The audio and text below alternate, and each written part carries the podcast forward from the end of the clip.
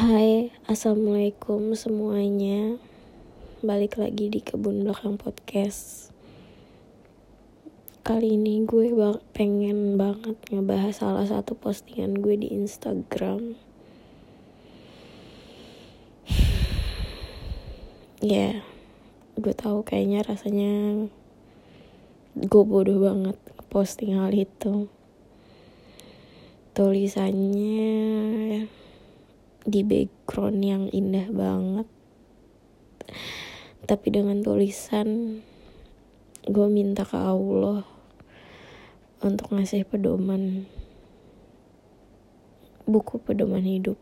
Padahal udah jelas-jelas ada Al-Quran di dalamnya.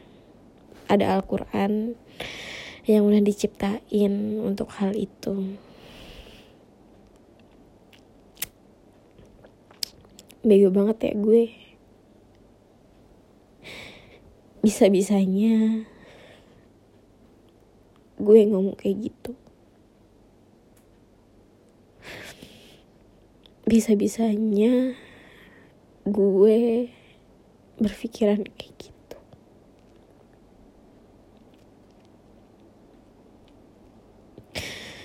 Gue nggak tahu apakah podcast ini bakalan diupload atau enggak? Gue nggak tahu. Tapi gue cuma pengen belajar aja dari diri gue yang sekarang gitu. Dari begitu banyak um, Insta story yang gue buat tentang kesehatan mental. Pasti orang pikir juga keadaan gue baik-baik aja. Tapi ternyata gue gak selalu baik-baik aja. Dan salah satu hal itu buktinya ya postingan itu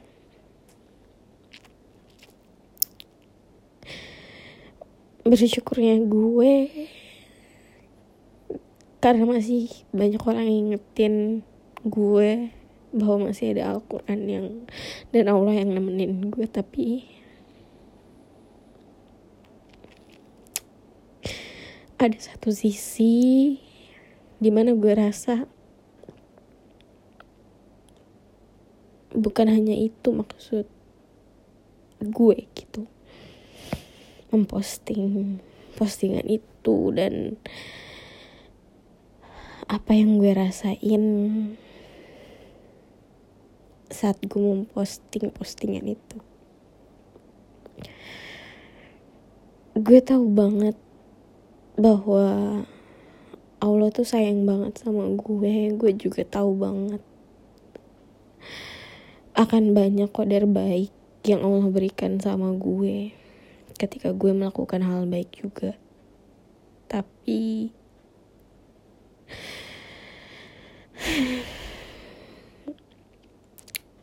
ya gue tahu juga tahu gitu loh bahwa dengan kondisi gue yang saat ini memiliki kesehatan mental yang berbeda dengan orang lain pemikiran seperti itu gue ya pemikiran seperti itu kan gak wajar gitu loh dan ya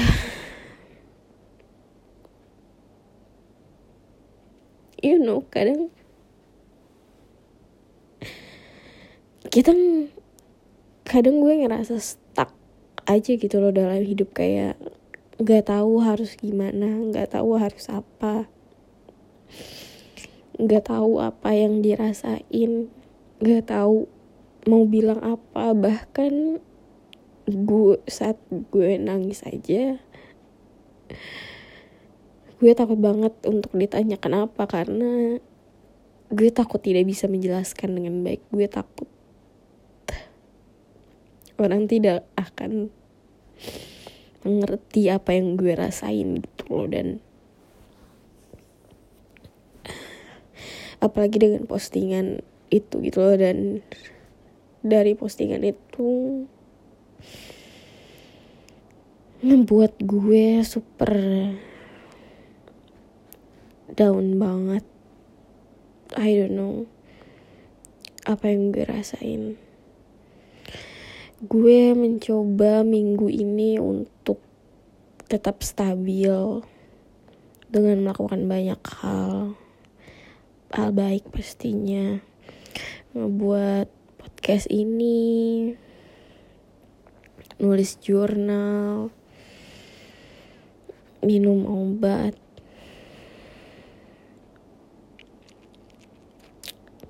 Sampai kadang gue berpikir kayak mungkin gue gak akan nikah gitu. Mungkin gak akan ada laki-laki yang mau sama gue gitu loh dengan keadaan gue. Kayak gini karena diri gue aja sendiri susah menerima keadaan ini apalagi orang lain. Dan gue takut banget saat semuanya menghilang. Saat harapan itu hilang tuh gue takut banget gitu loh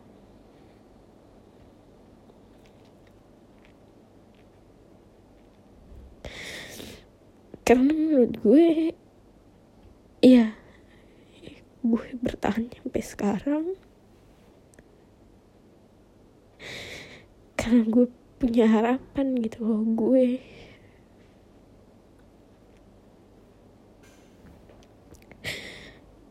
Gue berobat gue nggak mau nyusahin orang lain.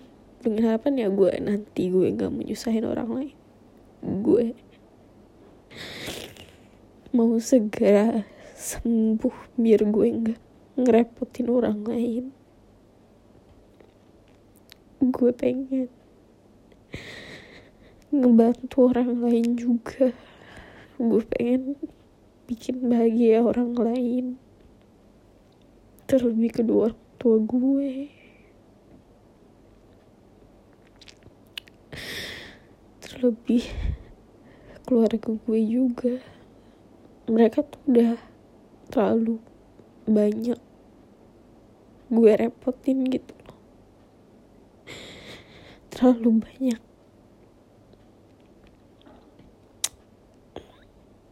Gue tuh terlalu banyak membuat mereka cemas tau gak sih? Kayak gue nggak tahu gitu apa yang gue lakuin selama ini apakah sudah cukup? Jujur aja salah satu hal kenapa gue pengen lanjut kuliah ya orang tua gue ayah gue itu pengen banget ngeliat gue pakai toga gitu loh. Dan karena coronavirus ini hal itu kan gak terwujud gitu. Jadi nah kayak gue pengen lanjut juga. Salah satu harapan yang pengen gue wujudin harapan orang tua gue ayah gue itu dia pengen lihat anaknya ini anak-anaknya semuanya. Pakai toga. Ayah gue bukan seorang insinyur bukan. Seorang lulusan universitas. Gue tahu lukanya ayah gue bahwa dia selalu direndahin di keluarganya di lingkungannya. Gue tahu banget. Dia selalu cerita bahwa apa yang dia ucapin diskusi atau apa di lingkungan keluarganya dengan omnya dengan ya di kampungnya orang-orang selalu nggak percaya sama dia karena dia cuma lulusan SMK kayak gitu. Dan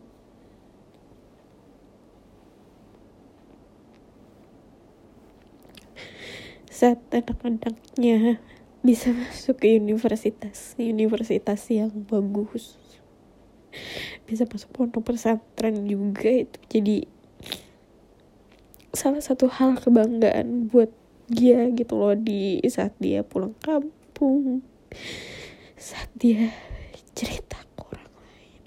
Dan gue tahu banget gitu loh bahwa walaupun gue terluka sekarang gue tidak hanya mengobati diri gue gue juga sedang mengobati orang lain.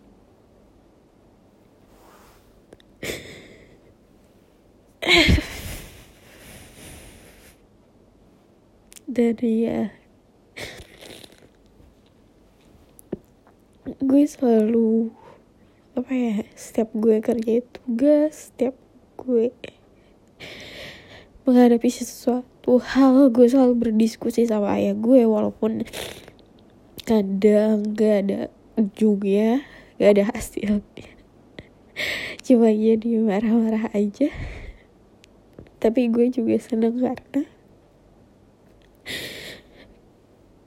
gue mau dia ngerasain bahwa hidupnya dia tuh berarti di hidup gue gitu. Gue tahu rasa sakitnya dia. Saat dia diabaikan orang lain. Saat dia direndahin sama orang lain. Dan walaupun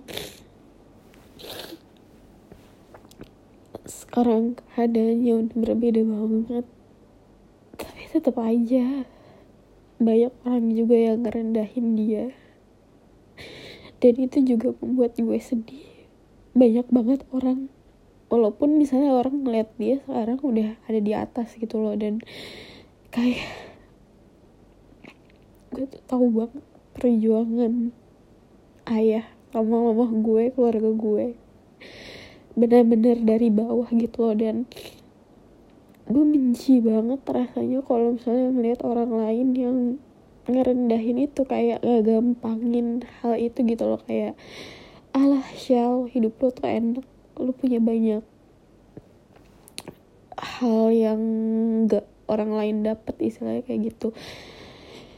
Tapi dia nggak tahu bahwa perjuangan orang tua gue ayah gue keluarga gue dari gue kecil kayak gimana gitu.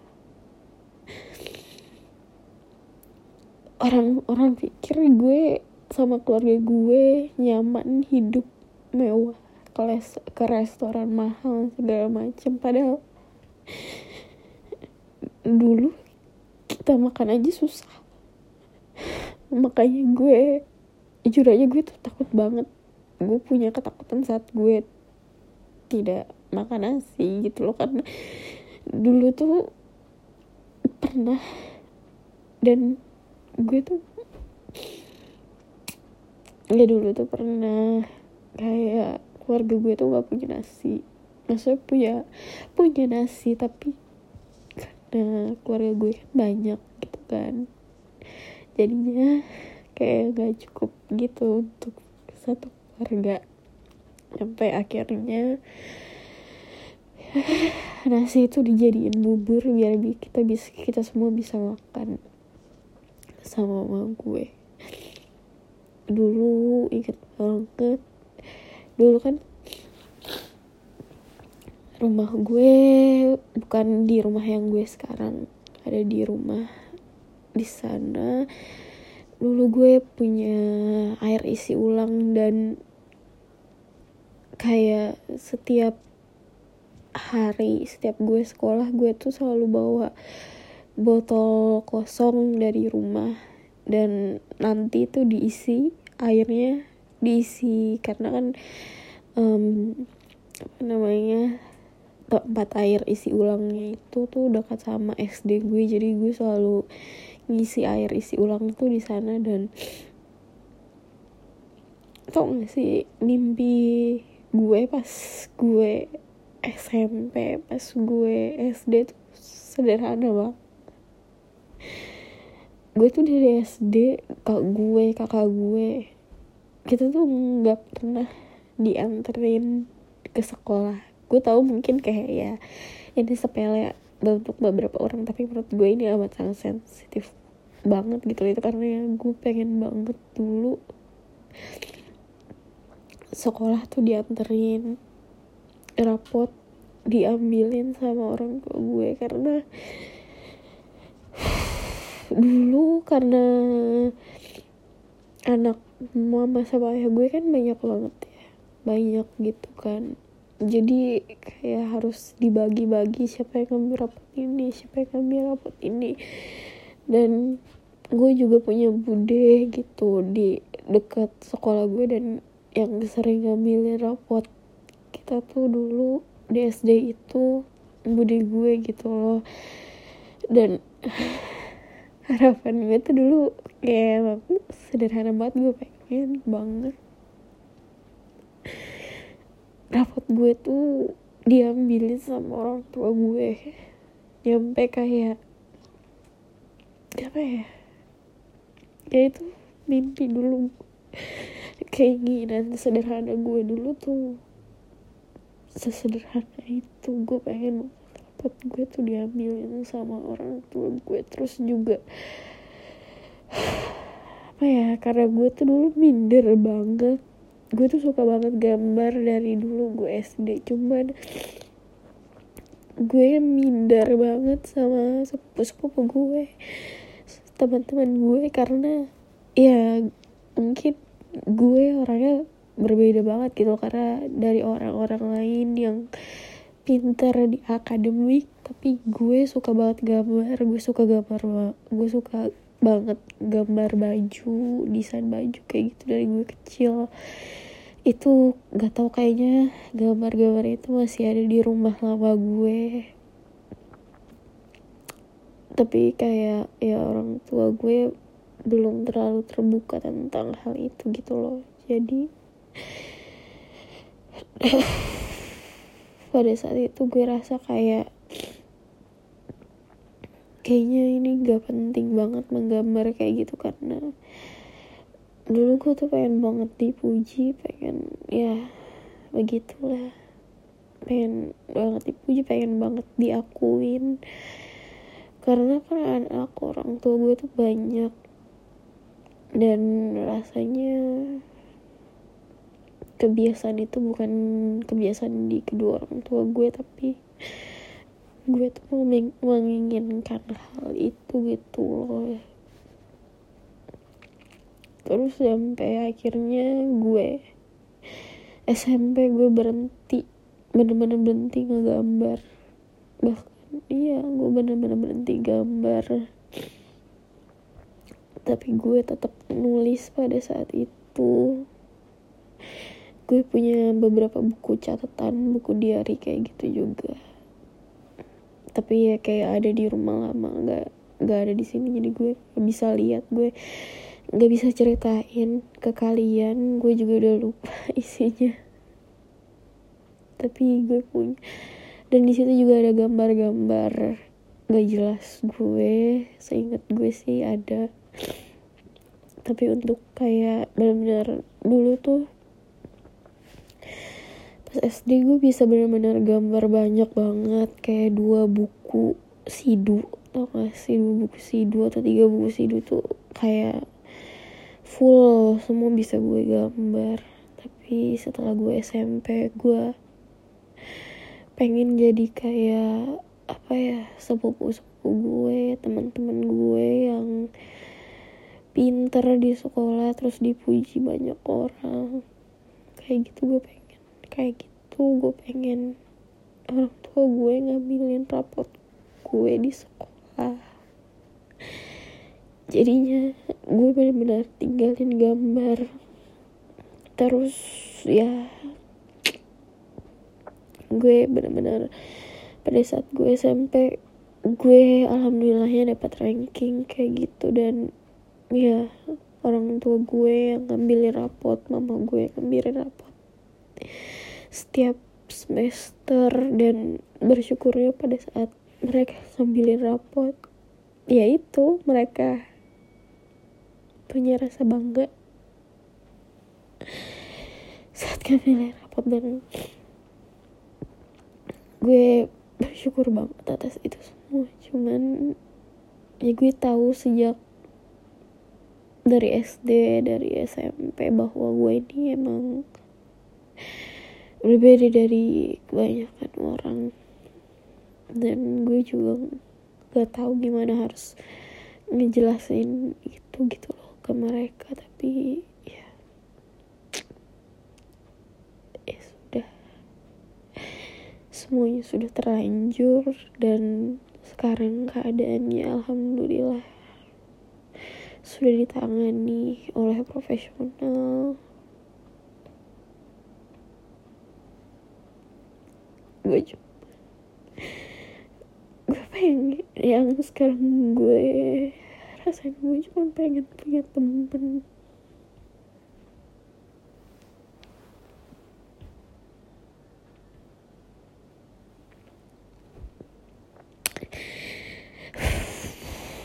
Wih, capek ya, nangis mulu.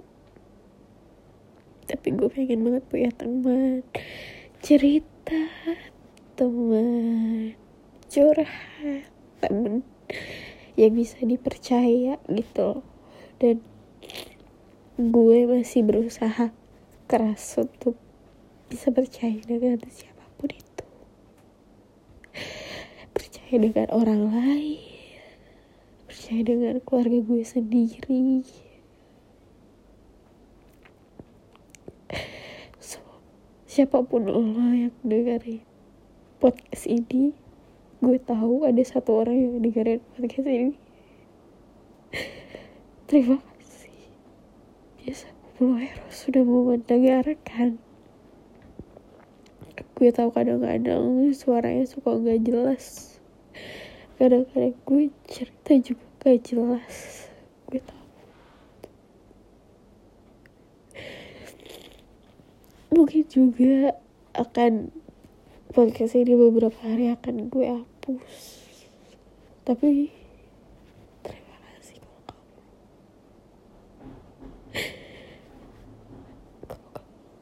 kalau lu udah cerita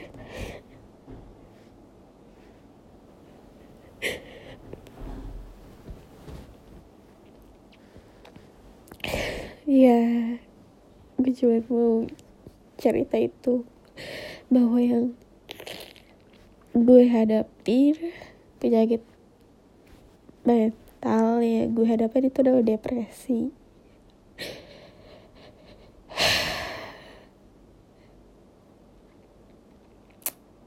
Terima kasih. Udah mau dengerin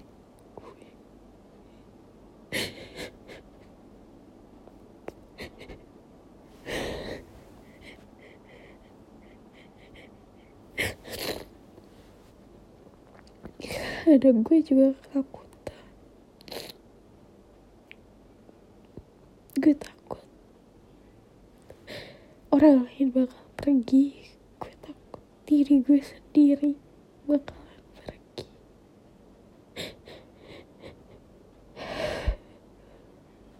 gue takut orang lain gak percaya dengan apa yang gue rasa tapi gue emang tahu bahwa orang lain memang gak akan percaya dengan apa yang gue rasa karena menurut mereka ini hal sepele tapi menurut gue hal kecil itu berharga banget. Allah yang mau mendengarkan cerita gue. Terima kasih terima kasih. Udah mau dengerin podcast ini.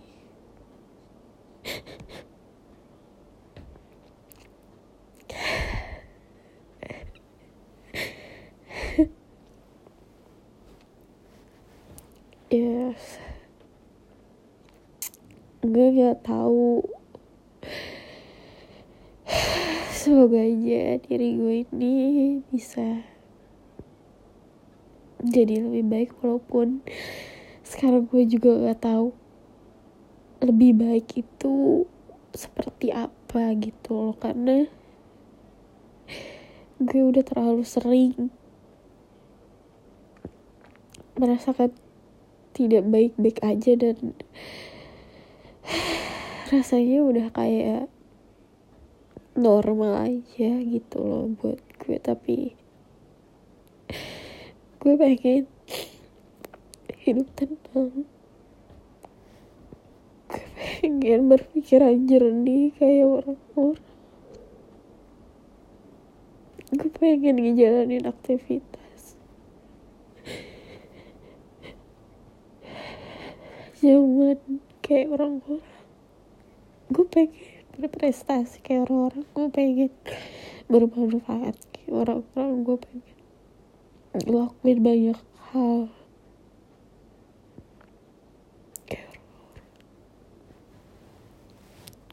Tapi susah banget. Susah.